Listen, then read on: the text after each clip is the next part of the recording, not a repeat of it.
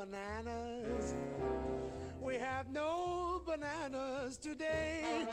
We got string beans and onions and big juicy lemons and all kinds of fruit and say. Varmt välkomna kära lyssnare ska ni vara till Kort i rocken. En podcast av tre unga och ibland lite förvirrade läkare. Vi utforskar den friska och sjuka kroppen, delar med oss av vår vardag och filosoferar fritt om allt ifrån psykos till tuberkulos. När du hör oss berätta om ett patientfall så har vi ändrat på kön, plats och tid. Och ibland hittar vi helt enkelt bara på, utav respekt för patientsekretessen och för att ingen där ute ska känna sig exponerad. Nu kör vi!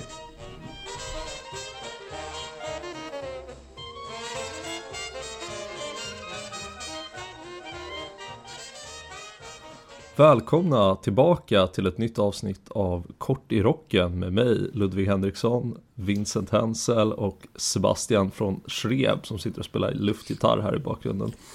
Hej hej! Idag eh, tänkte vi att vi skulle prata om någonting som eh, jag tycker är väldigt roligt att prata om, eh, nämligen vaccin. Vi tänkte berätta lite om vad är egentligen ett vaccin, vad är det vi vaccinerar mot och varför har så många fått för sig att det här med vaccin är en så totalt livsfarlig sak.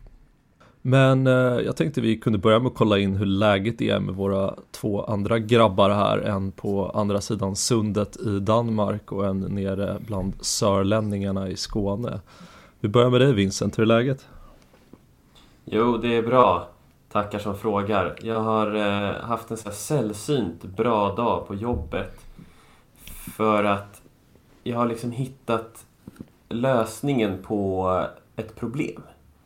Det är nämligen så att eh, när man jobbar som läkare så är det lätt att eh, man får viss information från eh, typ ledningen och så får inte typ skötare, undersköterskor eller sköterskor samma information.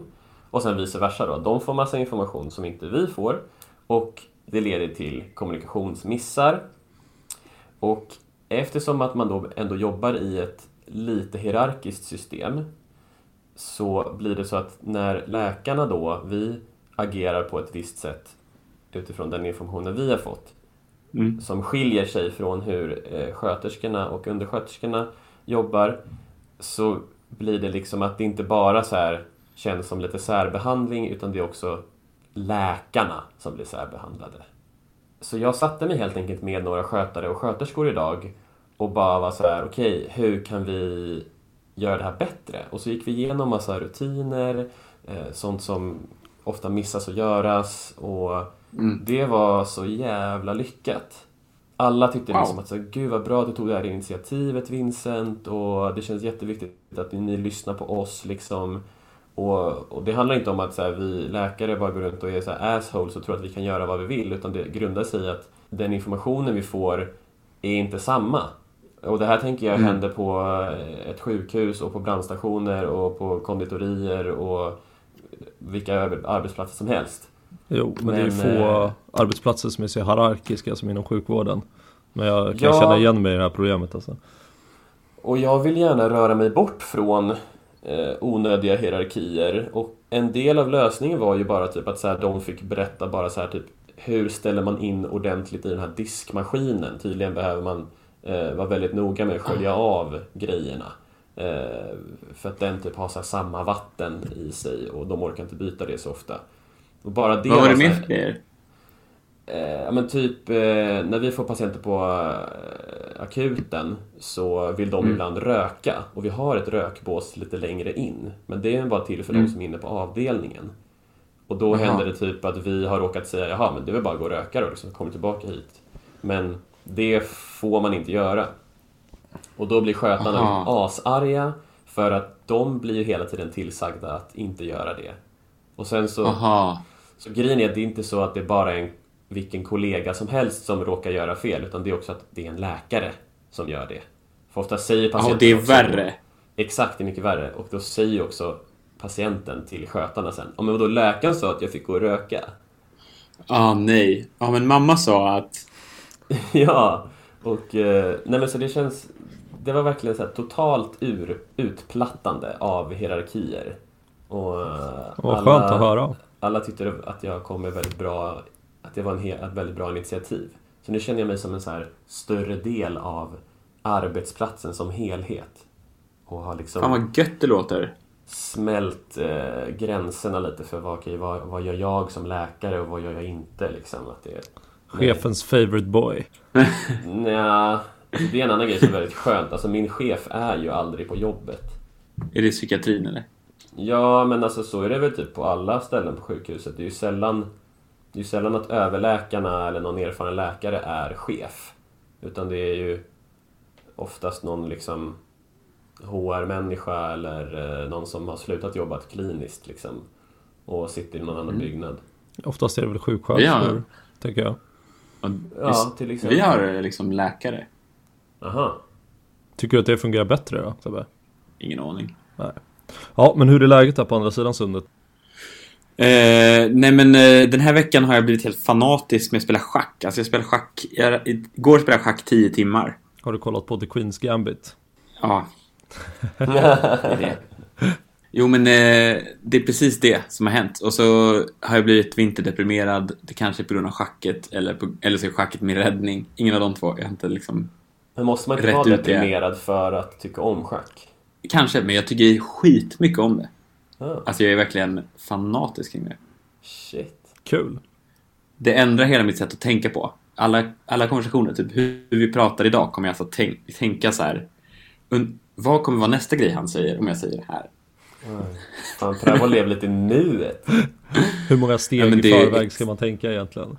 Det är bara de som inte blir vaccinerade som blir extra duktiga på schack. Ja, just det. För att vi vet alla att vacciner och autism, det hänger ju ihop. Yes. Ja, det var det vi tänkte på. Ja.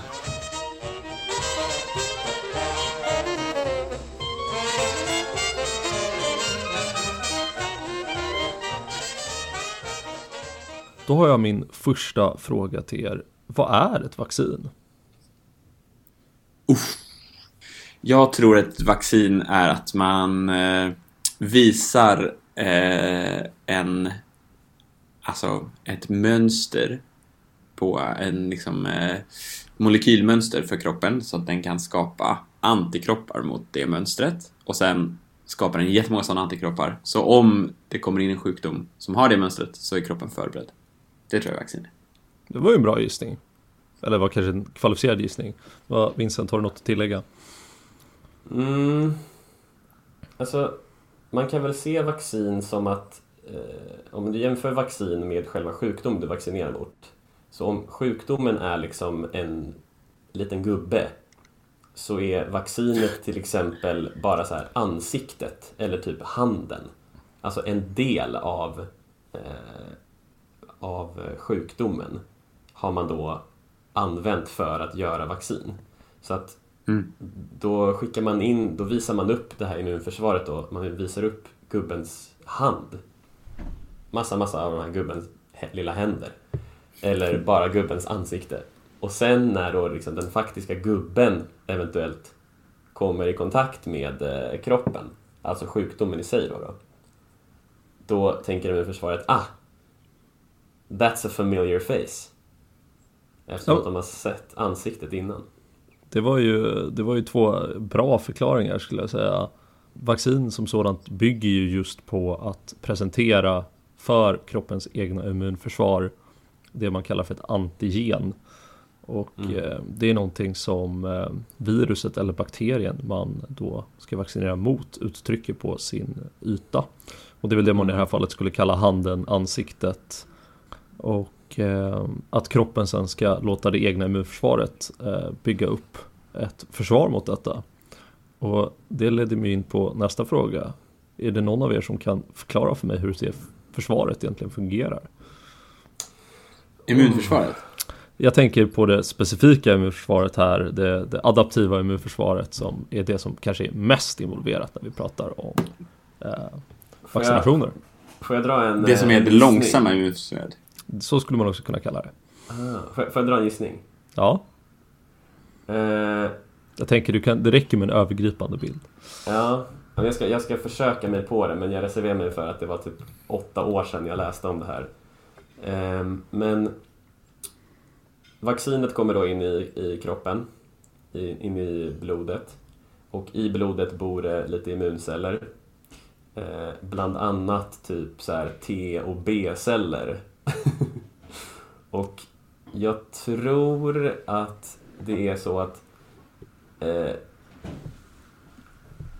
T-cellerna på något sätt så här plockar in eh, det här vaccinet i, i sig själva och sen så tillverkar de lite specialproteiner och sen så ploppar de ut de här specialproteinerna tillsammans med vaccinbitarna då, då på sin yta och visar dem till B-cellerna. Och Mm. eh, B-cellerna är då de som eh, har någon form av så här minne. Eh, och det tycker jag är så jävla spännande, hur liksom immunförsvaret kan minnas grejer. Och, och framförallt hur det minnet är olika långt för olika sjukdomar. Det är typ jättemystiskt varför man har eh, ett skydd mot typ polio i hela sitt liv efter man har fått 4-5 sprutor. Medan typ influensavaccinet, det vet vi ju räcker inte lika länge. Ehm, Men eh, ja, så det har att göra med att eh, immunförsvaret har en minnesfunktion. Men jag kanske har lite fel där i detaljerna. Ja, alltså jag tyckte allting lät väldigt bra eh, fram tills eh, man blandade ihop varför influensan inte fungerar varje, eller varför man måste ha en Mm. ny influensaspruta varje år och att poliovaccinet räcker livet ut. Men jag tyckte det var som en, en bra beskrivning. Den, den lär ju sig att identifiera dessa så kallade antigen och presentera dem för, för andra delar i immunförsvaret och kan genom på detta sätt också då förstöra de cellerna som innehåller eh, eh, andra celler som presenterar antigen, alltså virusinfekterade celler till exempel. Alltså jag minns hur jag spenderade typ säkert 4-5 timmar i slutet på någon tentaperiod där på termin 1 med att liksom rita upp hela det här flödesschemat på en whiteboard med en kursare. Och det sitter fan lite, än idag. Jag har precis fått lära mig att i, eh, här i Umeå på läkarprogrammet så kallar de eh, kursen om immunologi för attack och försvar. Ja, bra. De är så jäkla militära där uppe i Norrland alltså.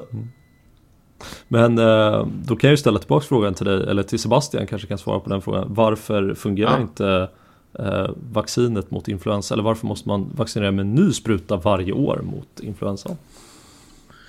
Ja, men influensan har väl någon sån här specialgrej att den är jättebra på att byta färg. Yes. Alltså den, om influensan är den här gubben så är influensan jättebra på att man vaccinerar mot den här handen då, som Vincent säger. Men varje år så får influensan ett nytt finger på handen så att kroppen inte känner igen det. Precis. Jag tyckte det var... Eh, det, jag tyckte det är en ganska rolig historia att eh, nu ska jag se, jag är ganska säker på att det var svininfluensan som eh, drabbade oss här eh, för ett par år sedan. Och då Mm. kunde man se i de som var, bland de som var sjuka att, att du fick som en naturlig fördelning, små barn gick det ganska bra för och sen hade du unga vuxna var det en del som blev ganska sjuka för att deras immunförsvar hade en tendens att reagera väldigt starkt mot det här viruset. Och sen så tacklade det av lite ju äldre du blev och sen så steg det igen när du började nå den åldersgruppen som började liksom ha andra sjukdomar och var sjuka av andra skäl och hade svårt att klara infektionen. Och sen så dök den precis alldeles i slutet för de allra, allra äldsta. De klarade sig väldigt, väldigt, väldigt bra. Har du någon gissning om varför det var så? Jag vet Ja, okej, var gissa. Ja, Okej, men du vet, då får jag gissa. Ja. Jag vet nämligen inte. Eh, jag gissar att det har varit någon liknande tidigare som de redan var immuna mot. Absolut, det är helt rätt. Men om vi tänker så här då, att de absolut äldsta då, de som kanske hade passerat, ja men i varje fall 80-90 år. Eh, Ja. Och det här, vad hände det här, tidigt 10-tal, sent 00-tal. Så Ja. vad hände i världen på 1910, 15, 20-tal? 1920-talet var väl den här... äh, Det som man pratar om hela tiden nu, den här spanska... Spanish, Spanish flu. Ja, spanska sjukan. Spanska sjukan var nämligen, hade samma uttryck, H1N1 som man säger. Som, Det var det eh, värsta. Svininfluensa. Det visste inte jag. Så det var, Shit, jag känner mig som På spåret. samma, samma uttryck som man reagerar på då, Samma- eller immunförsvaret reagerar på. Samma uttal. Ja, ja precis, samma uttal. På eh, samma spanska uttal, sjukan ja, ja. och svininfluensan. Spanska sjukan den drabbade oss väldigt hårt. Men det gjorde också att vi fick en bra försvar när den kom från svininfluensa istället. När det var... Jag vet, det kom från gris till människa. Det var som... Vissa som blev sjuka, de kände sig lite som grisar. Men inte de gamla, gamlaste. De har försvar kvar. De 20-tal. Ja, det, är, det är en grym, grym spansk impression där, Vincent. Eh, Du får gärna prata så resten av ja, avsnittet. Livet. precis. Varför nöja sig med avsnittet när han kan prata så resten av livet? Eh, Just ironically being a Colombian dad for 50 years. Nej men eh, jag tycker att eh, sammanfattningsvis är det en, en viktig poäng att eh, vaccin handlar alltså inte om att modifiera det, det, vårt eget immunförsvar eller på något sätt förvränga eller förvrida vårt immunförsvar. Utan Mm. det handlar helt enkelt om att på ett snällare sätt presentera kroppen med de sjukdomar som annars vi hade kunnat bli sjuka av. Så att immunförsvaret får lite av en headstart. De får förbereda sig på att lära sig att det här är ingenting vi vill ha i kroppen redan innan man får den egentliga sjukdomen.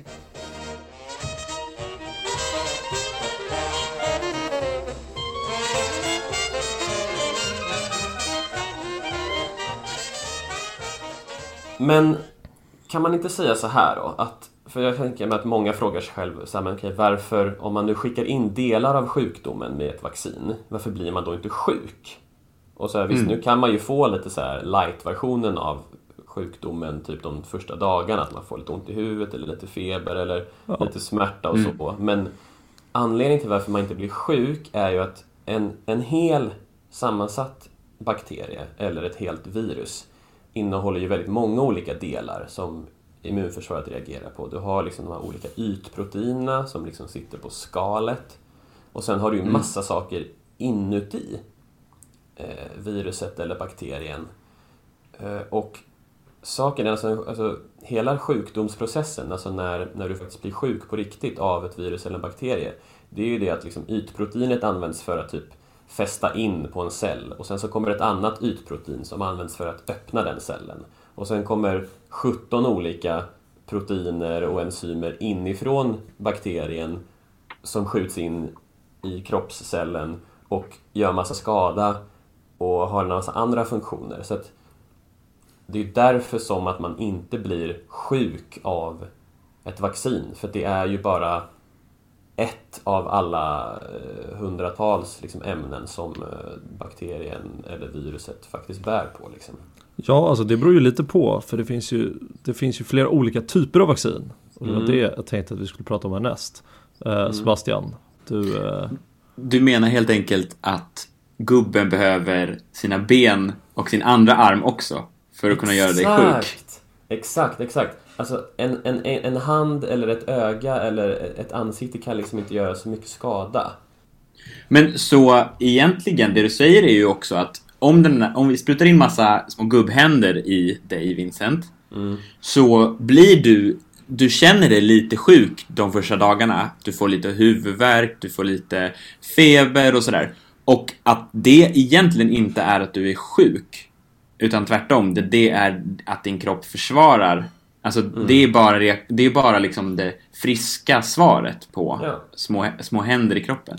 det är ju ett eh, vanligt missförstånd i de flesta vanliga sjukdomar såväl som, som vacciner. Ett ko- corona här är ju ett typexempel på det. När man blir förkyld så är det ju sällan in, liksom själva infektionen med de angripande virusen som man blir speciellt sjuk av utan det är ju kroppens egna immunförsvar som mobiliserar ett sånt svar för att bli av med det här viruset.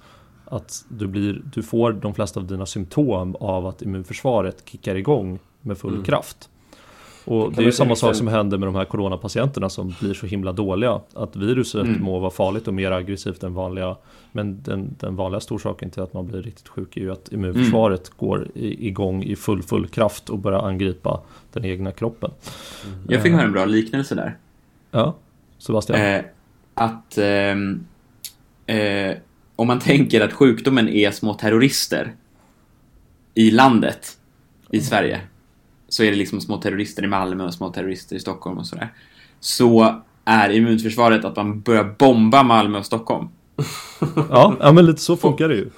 Ja, och då man får typ sepsis, alltså blodförgiftning vid typ corona, så är det för att, alltså för att Stefan Löfven bara har liksom, han pepprar sitt finger på, på, på bombaknappen. Så Sverige bara bombar sönder sig själv. Så egentligen så är det inte, det är inte terroristerna som skadar, utan det är Stefan Löfvens pepprande på den här knappen. Ja. Är det därför det har dött så många i USA? Därför att Trump har en större röd knapp än alla andra. Fan vad förvirrande. Förlåt, det här blev too much, too much. Vincent, vi släpper in dig.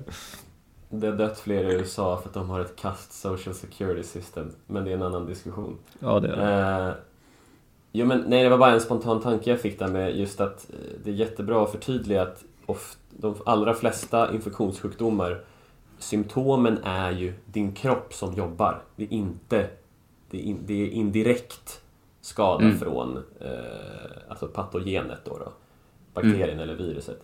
Och Det tänker mycket på- patogen. Patogen är ju typ ett finare ord för sjukdomsorsakande mikrob. Mm. Typ virus, bakterie, svamp eller eh, eh, parasit eller någon sån här sjuk prion. Är det någon av er som vet var ordet vaccin kommer ifrån? Ja, Oj, bra fråga. jag vet. Vax, alltså vac betyder ko på latin. Kan någonting där? Det är en mycket bra start. Alltså det här är verkligen På spåret. Ja, så hur får du ihop eh, kossor och vaccin? vet du vilket det med första vaccinet Galna var? ko-sjukan? Kan det vara det? Nej, nej, inte riktigt. Men vet du vilket det första vaccinet eh, var som vi började producera? Eh, Eller började aning. producera var ett starkt ord, men som vi började använda. ingen aning. Nej. Vincent? Det första vaccinet? Eh, jag vet inte, kanske... Tuberkulos? Nej. Vilken är den enda stora sjukdomen, eh, eller inte den enda kanske, nu har vi ju faktiskt nästan lyckats i varje fall med fler. Men vilken Mm. är den sjukdomen som vi faktiskt har lyckats utrota från den här världen? Smallpox. Ja, så... Precis. Smittkoppor. Smittkoppor, ja precis. Så hur skulle smittkoppor kunna hänga ihop med kossor? Mm. Var det inte på något sätt att man typ eh, odlade fram vaccinet i typ så här kons mjölk eller i blodet på en ko eller något sånt där? Mm, ja, inte riktigt, inte riktigt. Sebastian, några gissningar? Kossa och smittkoppor. Eh, kan kossor få smittkoppor? Now you're on to something. Nej. Men de får Okej. ju inte smittkoppor utan de får vad då? De får någonting i sitt juver. Ja. Oj. Okej. De... F- ehm, eh, mm. Men om vi säger De- så här då. Om vi säger Ja. att smittkoppor är den mänskliga varianten. Mm. Av juverinfektion. Ja, ja typ så faktiskt. Men smittkoppor, det finns ju koppsjukdomar precis som vi har vattkoppor. Som alla är Mhm. virusinfektioner. Så finns det ju hos flera andra djur också. Så kossor hade då cowpox. Motsvarande smittkoppor hos kossor. Jaha. Och då var det en britt på slutet av 1700-talet som eh, hade hört talas om att eh, milkmaids, vad blir det på svenska? Sådana som mjölkade kossor eh, på, på bondgårdarna kunde få Ja, mjölkerskor. ja, mjölkerskor kunde bli smittade av den här cowboxen och få som små eh, kopputslag på händerna. Mhm. Men, och efter att de hade fått det här så eh, blev de aldrig smittade med eh, smittkoppor. Mhm. Så han gjorde en etisk undersökning som man gör på den tiden. Han tog en liten åttaårig pojke och eh, drog ur lite sån här eh, liksom eh, lite var ur en koppa från en milkmaid som då hade Mhm. fått eh, cowpox. Och så skar han ett litet sår på handen på den här åttaåringen och så injicerade han det där. Sjukt dålig liksom urval. Alltså dåligt antal. Ja, det är ju sant. Men eh, så han blev ju då lite sjuk och fick sådana här kopputslag och sen så blev han bra för att det är ingen allvarlig infektion. Och så en stund senare, nu kommer jag inte ihåg exakt ledande, så intog han istället eh, smittkoppor från någon annan som hade smittkoppor och tog var från en av blåsorna och injicerade det på samma sätt i den här lilla pojken. Men han blev inte sjuk. Tungt. Sjukt att han inte provade på sig själv. Ja, det, det hade ju varit något. Han tog istället en åttaårig liten pojke på någon av granngårdarna om jag förstod det rätt. Eh, Men eh, alltså jag hörde fan ett avsnitt av Historiepodden om, eh, Mm. om det här. Och var det inte så att typ i Turkiet så gjorde man det här på regelbunden basis? Att man typ, det fanns Jo. så här liksom, det kallades för typ inokulering Precis. och eh, det gick ut på att man tog nålar med liksom sjukdoms, lite virus eller lite bakterier på och så bara stack man folk med lite i taget. Precis. Eh, så att den här, den här idén fanns redan sedan innan. Men han var väl den första tillräckligt välutbildad, han var läkare själv om jag inte minns fel. Som liksom kunde börja skriva om det här och eh, Mm. publicera det på, på, så att det fick en större känn, kännedom om det här. Men det hade man redan hållit på med under ganska lång tid att man testade det här. Och det i sin tur kommer ifrån att eh, eh, smittkoppor eh, fanns i två varianter. Det är ett virus som kallas för variola. Och eh, då fanns det variola major och variola minor. Alltså, som den major var ju den dödliga varianten, Mhm. eller där det var väldigt hög dödlighet. Och Mhm. den fanns i sin tur också med flera olika subtyper. Men, eh, och så fanns det variola minor som inte var lika allvarlig. Och som jag förstod det så höll man då ofta på att man tog små mängder från de som mådde ganska bra under sin smittkoppsinfektion. Och smittade helt enkelt sjukdomen vidare för att få små doser av den milda varianten för att exponera Mhm. det eh, för eh, immunförsvaret. Mycket likt det på det sättet vi har vaccinationer idag. Jaha, så att det var liksom två sjukdomar som liknade varandra? Men Ja, som det är var ju- lite olika? Två grupper av, av samma virus då, då och den ena var en mildare variant och den andra var en mycket, mycket aggressivare variant. Men blev man, blev man immun mot en så var man immun mot båda? Ja, precis. På Fan, samma smart. sätt som att om man var immun mot cowpox så blev man också immun mot smallpox. Kan man inte, kan man inte säga då att både cowpox, smallpox och eh, de här varianterna av ja, den här major och minor av eh, smittkopporna, att de hade eh, vissa likheter. Alltså till exempel som den här, tillbaka till den här gubben då, då. Att de kanske hade lite liknande händer. Och att Precis. det liksom räckte för att eh, när då de här olika varianterna kom in och skakade hand med immunförsvaret så blev det samma respons och samma igenkänning. Precis, det är ju en förutsättning för att eh, du ska kunna bygga upp ett immunförsvar mot eh, alla sjukdomarna så att säga. Men, men bara för att gå tillbaka lite mer till det. Alltså, kan man säga att när då, när då ditt immunförsvar har lärt sig att känna igen en sjukdom. eh, Så till exempel när man, om man tar, tar en förkylning som till exempel. Du blir förkyld och sen så under den tiden så går ju ditt immunförsvar igång och hittar ett sätt att bekämpa det här viruset och sen efter några dagar så blir du frisk igen. Men om du blir utsatt för det viruset efter typ 3-4 veckor, då blir du ju inte sjuk. Nej, På grund av att du har numera ett, ett minne för den här Mm. sjukdomen. Men varför, blir, varför får man liksom inga symptom? Är det för att immunförsvaret liksom släcker ner det släcker ner viruset redan innan det hinner liksom infektera dig? ja alltså lite så kan man ju säga. Det, det, det släcker ner viruset innan du hinner få en systemisk reaktion eftersom att då har du ju redan i, i, i slemhinnor och så, så har du ju redan antikroppar och cell, immunceller som kommer reagera på det här viruset.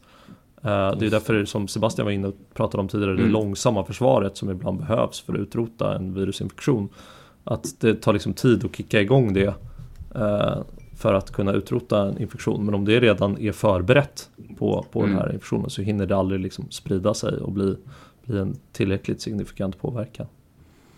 Så första gången man råkar på ett virus eller en bakterie så behöver immunförsvaret lära sig det för första gången. Ja, Och- det är därför alla små barn kan vara förkylda 10-12 gånger om året utan att det är något konstigt. För de Mm. kommer till dagis och, och blir exponerade mot alla typer av förkylningsvirus. Och ska hinna, hinna, kroppen ska hinna lära sig alla dem. Mm. Det är väl typ eh, att den här eh, covid är den femte corona viruset. Mm. Och det är därför vissa av de här, man kan bli sjuk igen, för de här virusen utvecklas och muterar hela tiden. Och Mm. vissa sjukdomar är väldigt dåliga på det och de kan vi ha väldigt långt försvar emot och vissa andra sjukdomar, till exempel influensan, har ju en väldigt hög mutationsfrekvens. Och just Mm. influensans fall har det att göra med att de både kan infektera till exempel fåglar och grisar, lite beroende på vilken typ av influensa det är. Och där Mm. mutera och sen smitta tillbaks till människor. Eh, och det gör ju att de hela tiden är så föränderliga att eh, immunförsvaret inte hänger med. För, men just med coronavirus så kan man väl tänka sig att med covid nu, eftersom det inte är på väg bort, så, att, så kommer, precis som alla vi när vi var kids hade, var liksom förkylda då och då. Och de här, äh, han är bara förkyld, eller hon är bara förkyld. Det var att man hade något virus ju. Alltså varje gång har man ett annat nytt virus. Mm. Ja, eller en Och- annan typ av, av samma virusgrupp. En annan typ av samma virusgrupp, men att fyra av de gångerna har det varit olika coronavirus. Och nu kommer det vara, för våra barn kommer det vara fem olika coronavirus som alla har. Där en av dem är covid. Sannolikt, om vi inte lyckas vaccinera bort alltihopa. Det kommer vi nog inte kunna. Nej, det tror inte jag heller. Men, eh, nej men precis så är det ju. Och eh, det, det, det är ju hur pass föränderliga de här sjukdomarna är och om vi har varit exponerade mot dem innan som påverkar. Om vi kan. Det, det märker man ju nu, hela världens population, det är ju ingen som har haft ett försvar mot just det här specifika coronaviruset. Jag har varken Mm. vaccinerat och det finns ingen som, som tidigare har varit exponerad eh, mot det som har liksom en, en naturligt försvar. Det finns väl kanske några i och för sig som av andra skäl har, har lyckats göra antikroppar mot eller så, det vet vi inte så mycket om. Mm. Eh, Men eh, man har ju också pratat nu nyligen om det här med att vi har haft ett eh, föränderligt eh, coronavirus, att den infektionen som gick i våras inte nödvändigtvis behöver vara densamma som går nu under hösten. Eh, Och där vi har sett fall av personer som blir återinfekterade med coronavirus. Men det kanske ska få summera ihop det här och eh, ta oss vidare till det som jag egentligen allra helst vill prata om. eh, Kvällens tredje segment. Vaccinmotstånd.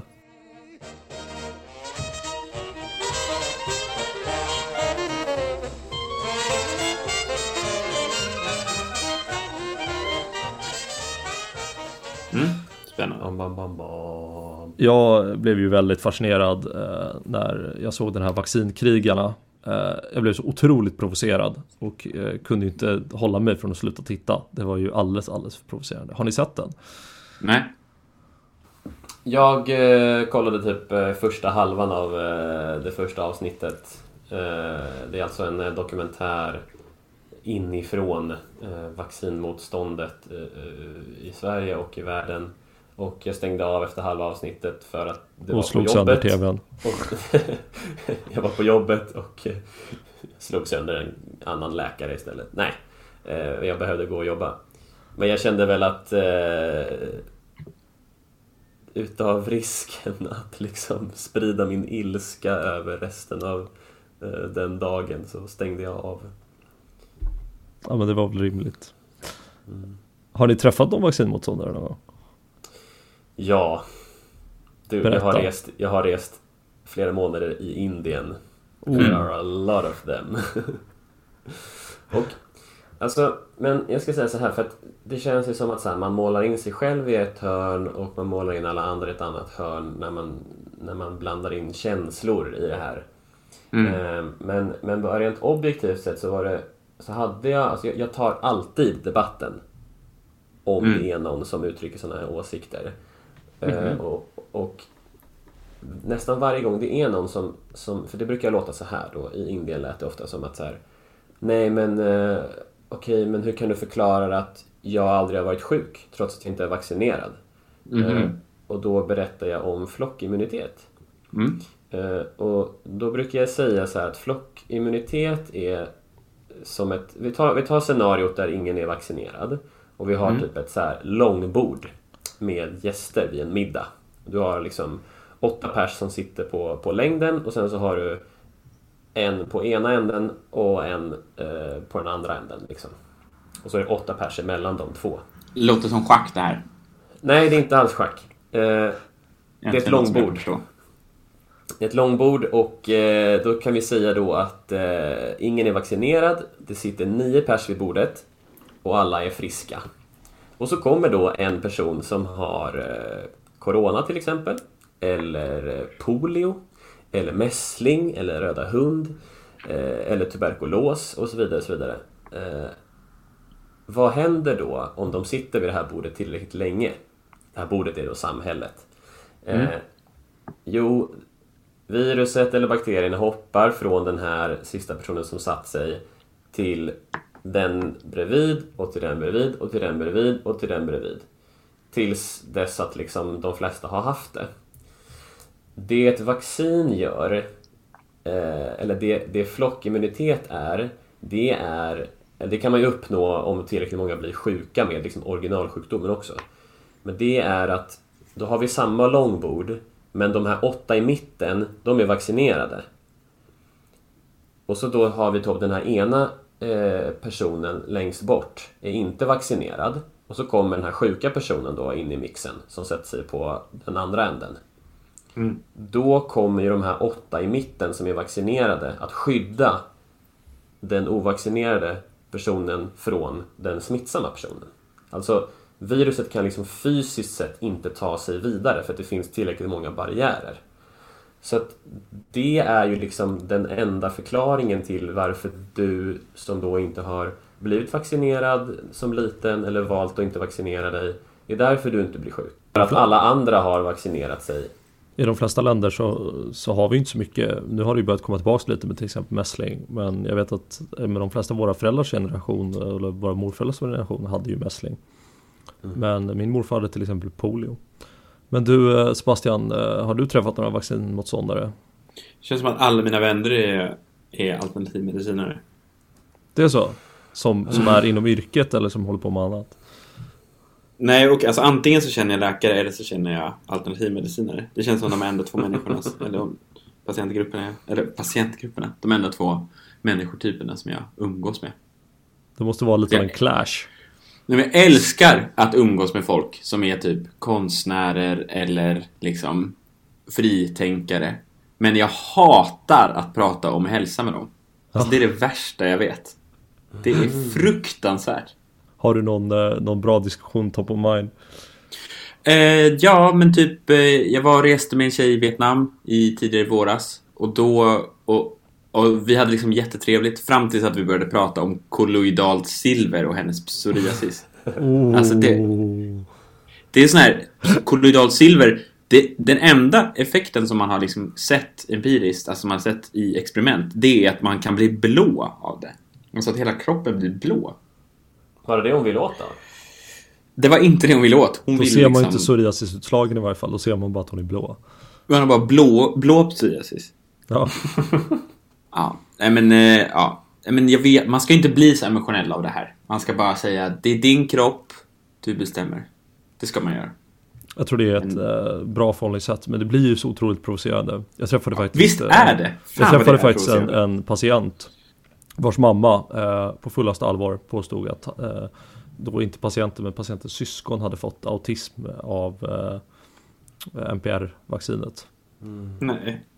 Jo, det var svårt då att hålla sig lugn och inte försöka liksom, diskutera för mycket. För det är ju ofta, det är ju det är ju en svår barriär att möta. Liksom. Ofta har man ju redan en bestämd åsikt. Men eh, om jag säger så här då, eh, Andrew Mm. Wakefield, vad, vad säger e- det namnet er? Men var inte det Eh. den här eh, läkaren som... Var det autismmannen? Det är Ja. autismmannen ja. Ja, Det var det värsta.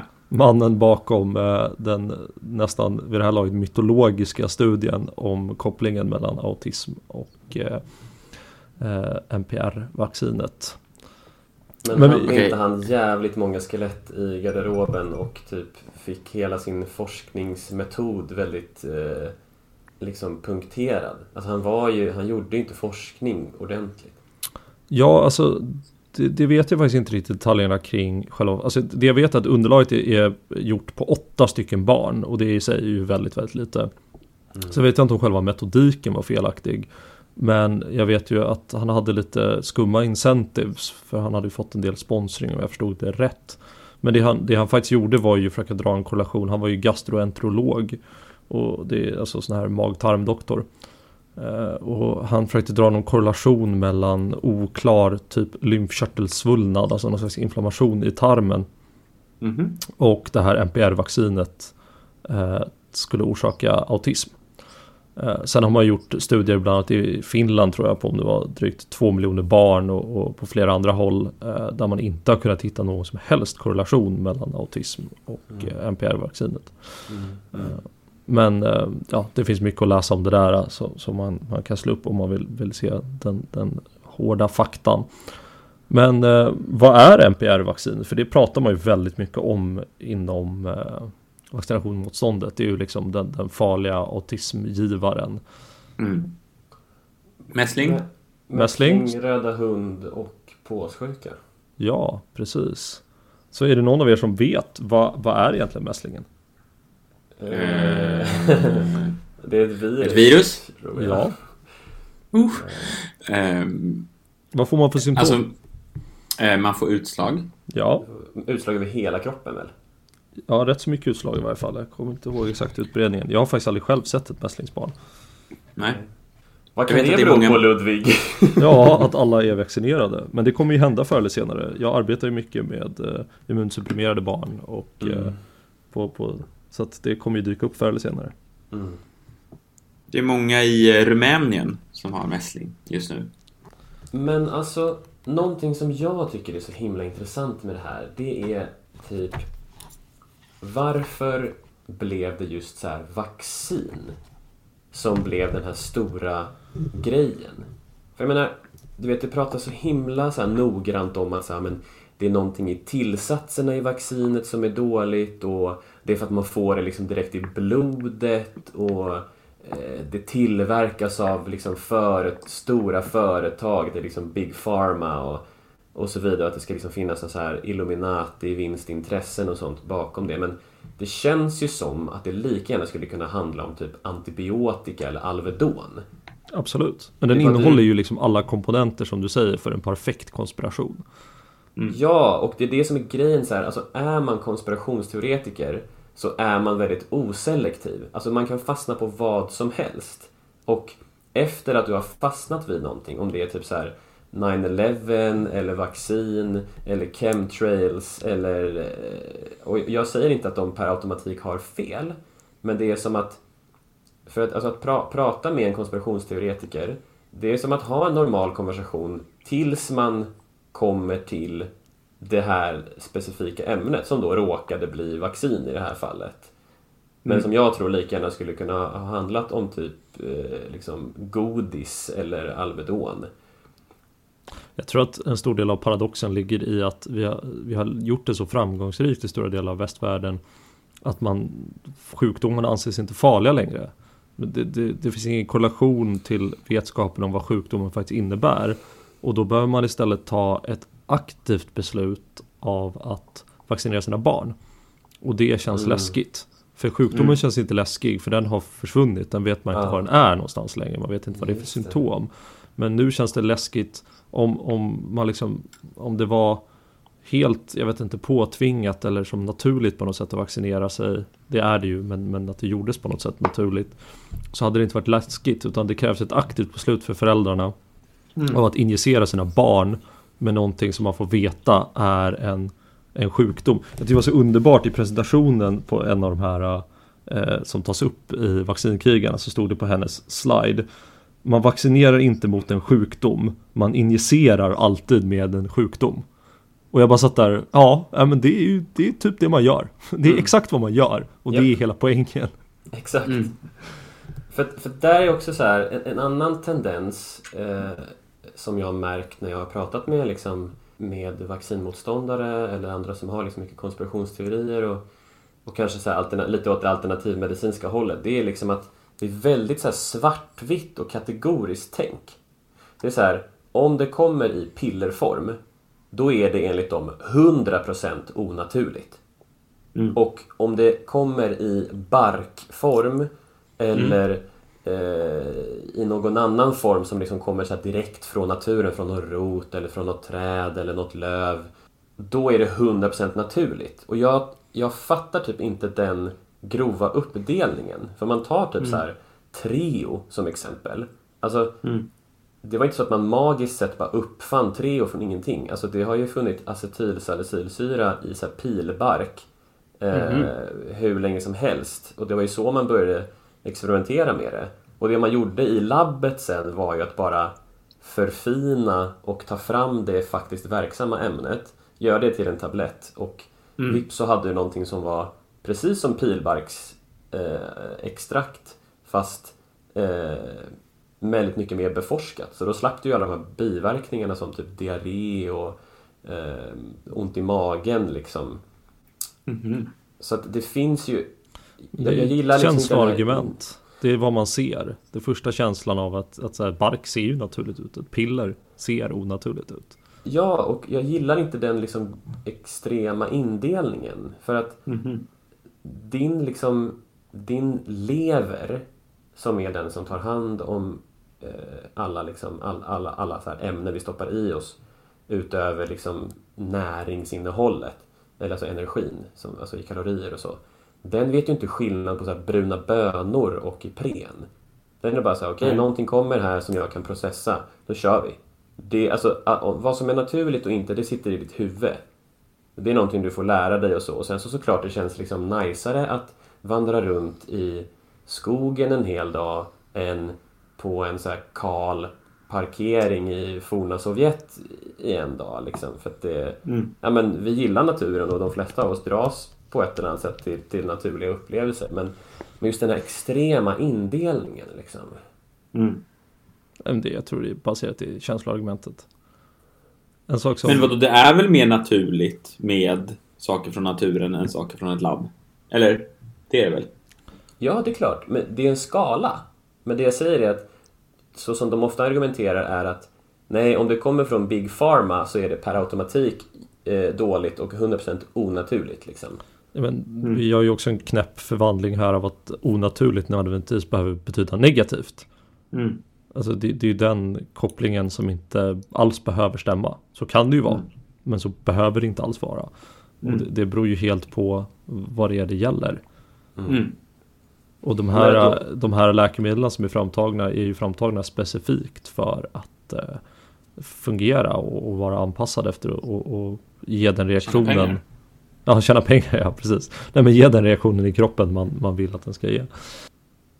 Men en annan sak som jag reagerar på eh, var ju typ en av de här, det var ju någon, en, någon sån här nybliven eh, mamma som verkligen hade det här centrala argumentet som många av de här vaccinmotståndarna hade i dokumentären var att de var de brydde sig så mycket om sina barn. De ville skydda sina barn från vaccinet och kanske lite på grund av det du sa Ludde att eftersom att vi inte längre känner till de allvarliga konsekvenserna av alla sjukdomar så tänker vi att ja men de här sjukdomarna finns ju inte därför är det väl onödigt att ens vaccinera liksom.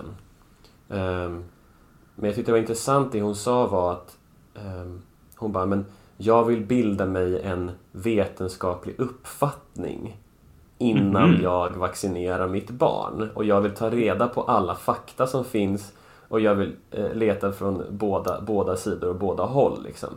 Men där känns det ju som att sådär Och jag satt och var så otroligt provocerad när hon sa det. Och bara så här, You're man måste lyssna. using words that you don't know.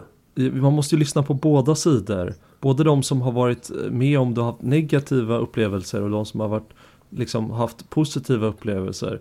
Alltså visst, men det är som ett rent lotteri att gå runt och se vilka människor runt omkring dig som tycker bra eller tycker dåligt om vaccin.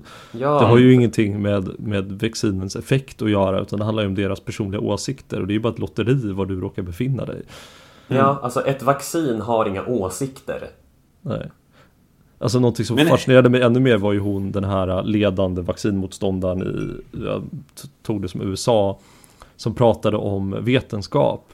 Och så var hon så här, ja ah, men eh, så här, jag, hon sa inte att hon inte trodde på vetenskap tror jag, utan hon var liksom inne på att men folket är vetenskap, folkets berättelser, det är den riktiga vetenskapen. Och det är ju liksom, det är ju misstag 101 om man ska försöka förstå sig på vetenskap. Mm. Alltså vetenskap för mig, den allra enklaste vetenskapen är typ att så här, man ställer sig en fråga bara typ så här. Undra vem som blir blötast någon som har ett paraply eller någon som inte har ett paraply. Och så då tar du några regniga dagar och så ställer du 100 pers med paraply utomhus i en timme. Eh, och så tar du in dem och så mäter du Okej, okay, hur mycket väger deras kläder nu till exempel? Eller hur mycket droppar de? Eller du vet, du väljer någon parameter. Och sen så tar du 100 pers som du ger paraply nästa dag och så mäter du samma parametrar. Hur mycket väger deras kläder? Hur mycket droppar de? Och bra, bra genomgång av vad vetenskap är, Vincent. Mm. Men det men är, är det inte... och det går inte att ifrågasätta. Vad säger vår vetenskapliga expert Sebastian von Freeb? Ja, men jag undrar ändå om man ska liksom försöka ge, om man ska försöka tolka vaccinmotståndare eller alternativmediciner i, god, i gott ljus, liksom, så mycket som möjligt. Så när man när Vincent säger så, om man vill veta om man blir, vad man blir blötast av, vem är man här?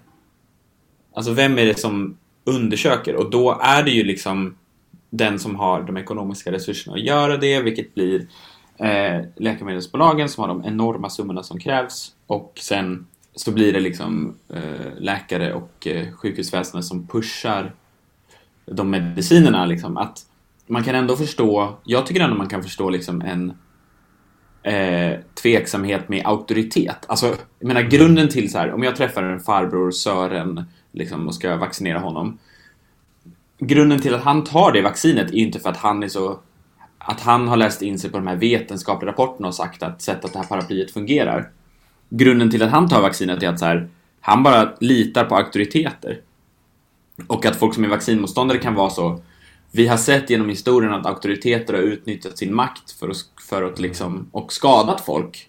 Kanske inte med mening, men ändå. Och det har ju ändå hänt. Alltså historien, så man säga, medicinens historia är ju en historia av medicinska misslyckanden. Absolut. De, de alla, allra flesta grejerna som man har gjort mot människor i syfte att läka har ju varit liksom skadliga. Om man kollar historiskt med liksom allt vi har gjort med åderlåtning och liksom, eh, vad kallas det när man kör upp en eh, man delar på corpus callosum i hjärnan och sådär. Och, uh, uh, Kalektomi, är det inte det? Nej, lobotomera. Lobotomering, ja. Det är det menar. Ja. ja, och typ ännu längre bak så är det bara liksom shamanism i princip. Mm. Och nu är shamanism eh, på väg tillbaks. Ja, men det är en bra poäng. Nej, ja, men liksom om man ska försöka ge dem liksom så mycket, om man ska försöka sätta ord på tvivlet. Mm. Men kan inte det kopplas tillbaka lite till det här och att det är lite oselektivt vad det faktiskt slutar med för teorier? Alltså det skulle kunna ja. vara antibiotika lika väl som vaccin eller e-ämnen eller whatever. Men kan det kanske det snarare handla om att det här är människor som under sin eh, liksom, uppväxt eller unga vuxna tid har känt sig lite marginaliserade. Och när de väl hittar ett sammanhang, för att alla människor, oavsett var eller vem du är, så vill du åt ett sammanhang och eh, samhörighet och gemenskap och mening. Och så mm. dyker det då upp liksom lite karismatiska personer eh, som på något sätt är motsatsen till det här marginaliserande samhället. Att typ, som mellan raderna säger Jag vet hur dåligt behandlad du har blivit att du kanske har blivit dumförklarad eller att du har liksom eh, blivit mobbad eller retad eller kanske inte blivit bara sedd eller hörd av föräldrar och eh, mm. vänner och samhället i stort liksom. Och så plötsligt så dyker det upp personer som ser dig. Och det här är ju liksom en av grundpsykologin i typ sektrörelser och sånt. Att det börjar ofta med att du blir helt översköljd av uppmärksamhet och kärlek från lite karismatisk ledarperson. Det finns, ju, det finns ju snarlika tendenser där och jag menar ju längre man tittar in i den här dokumentären Vaccinkrigarna mm. så märker man ju också att det här är ju en rörelse som ger uttryck för andra saker också. Det handlar ju huvudsakligen om vaccin. Men, men de, de uttrycker frustration med antibiotika och, och andra.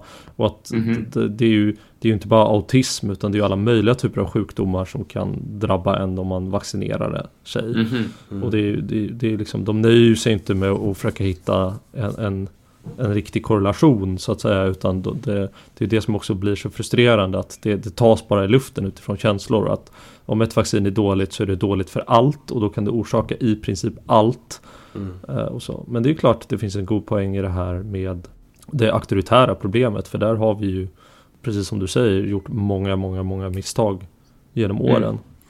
det sjuka med att leva nu den här tiden i historien är att vi har någonting som heter vetenskap och det som vetenskap skiljer sig från alla tidigare liksom, sätt att förstå världen på är att alltid tidigare så har vi förstått världen som typ olika religioner eller olika liksom, förklaringar på hur världen fungerar så utgår alltid från människan. Alltså hur kan jag få saker och ting att gå ihop så att det ger mening för mig, alltså så att det är logiskt för mig. Och då kan det antingen vara, jo men solen går upp för att solguden tar upp den eller eh, jag vet inte, jag blir sjuk för att jag har gjort det här felet mot det här trädet som vars ande nu har liksom infekterat mig. Att det alltid liksom en logik som jag kan förstå. Alltså det är någonting som liksom jag fattar. Och nu för första gången då i mänsklighetens historia så är det att vi inte längre baserar det vi tycker är sant och falskt på, på vad vi tycker känns logiskt utan snarare på vad experiment visar.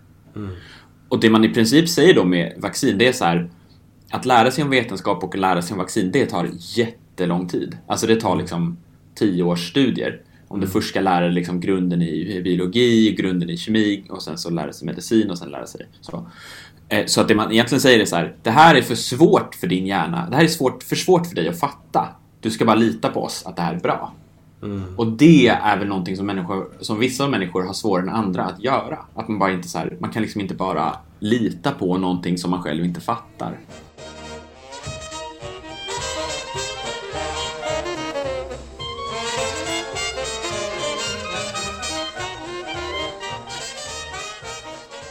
Jag tänkte innan vi ska summera upp eh, det här avsnittet att vi skulle spela lite barnvaccinationsprogrammets bingo. Okej. Okej, Jag kommer välja en av er att först få svara på eh, ett, av de, sak- eller ett av de sjukdomar som ingår i barnvaccinationsprogrammet.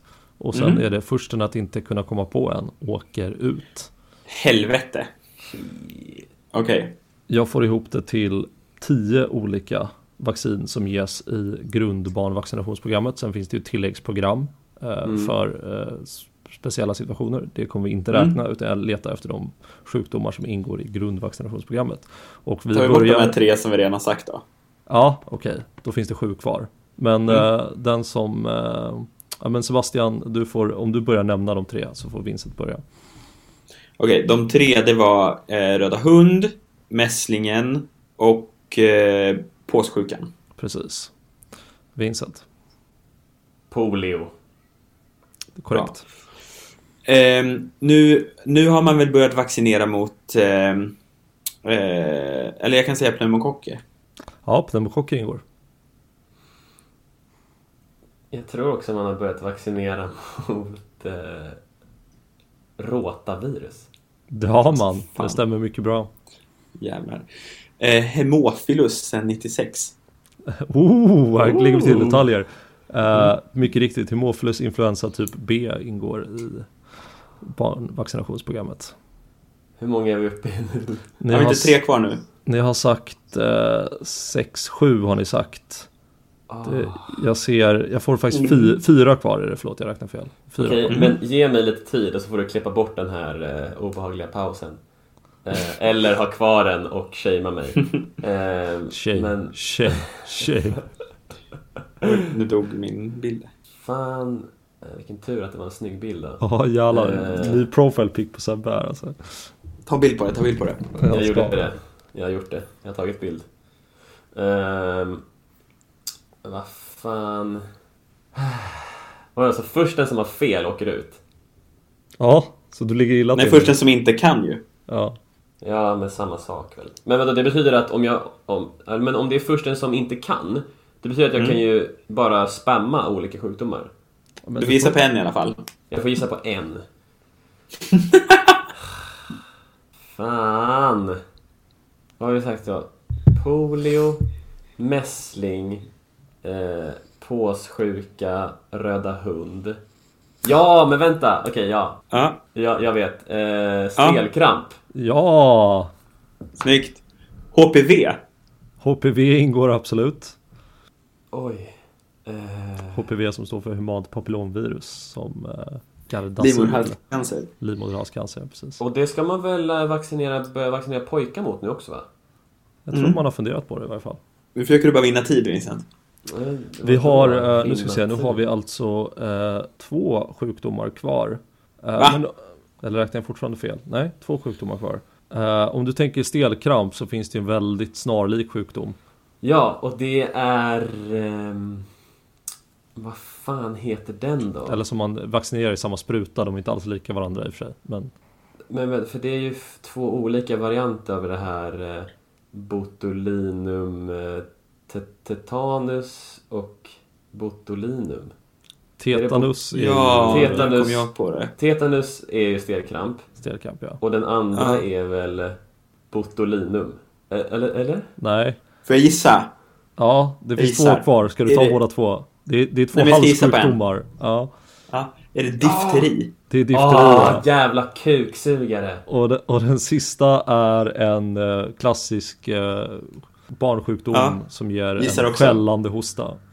Ja, kikhosta. Kikhosta. Pertussis. Pertussis ja. Jag får en guldstjärna där för att jag kunde det på latin. Ja, jag, det var får, jag, snyggt. jag får ändå dela ut segern till Sebastian från Schreb. eh, Åh, det är så vår jävla typiskt att Sebbe ska vinna. Men jag ska väl också, jag ska också bli sån här läkare, för folkhälsoläkare, så att det känns ju pinsamt att jag inte kunde det bättre. Kan det väl på möjligtvis vara inspirerat av din gode far? Absolut, men han är i och för sig kirurg, men han har ju absolut, vad ska man säga, presenterat den världen. Ja, han är ju faktiskt en av våra kanske mest kända eh, tv-doktorer nu för tiden. Det är han och den, min- man kan säga så här, den mindre bruna TV-läkaren. Ja, Så ja, kommer folk precis. på att det är han. Fast med tanke på hur mycket han är ute i världen så är han ju typ konstant solbränd ändå. Jo, men det finns ju grader av solbränd. Jag tänker också med tanke på otroligt mycket Man- vi delar samma efternamn så kan nog de flesta lista ut vem det är vi pratar om. Det tror jag också. Det tror jag också. Men hörni, eh, jag tänker att eh, det får summera ihop eh, dagen. Vi har pratat lite om vad vaccin är för någonting, hur, väldigt basalt om hur det fungerar. Vi har pratat lite om vaccinationsmotstånd och vad vi tror det beror på och spelat lite barnvaccinationsbingo. Men tack för oss den här veckan och jag hoppas att ni lyssnar in nästa vecka. Tjoho! Ciao, ciao! Tjo tjo! We have no bananas. We have no bananas today. We got string beans and onions and big juicy lemons and all kinds of fruit and say. We've got an old fashioned tomato, a Long Island potato. Oh, we have no bananas. We have no bananas today.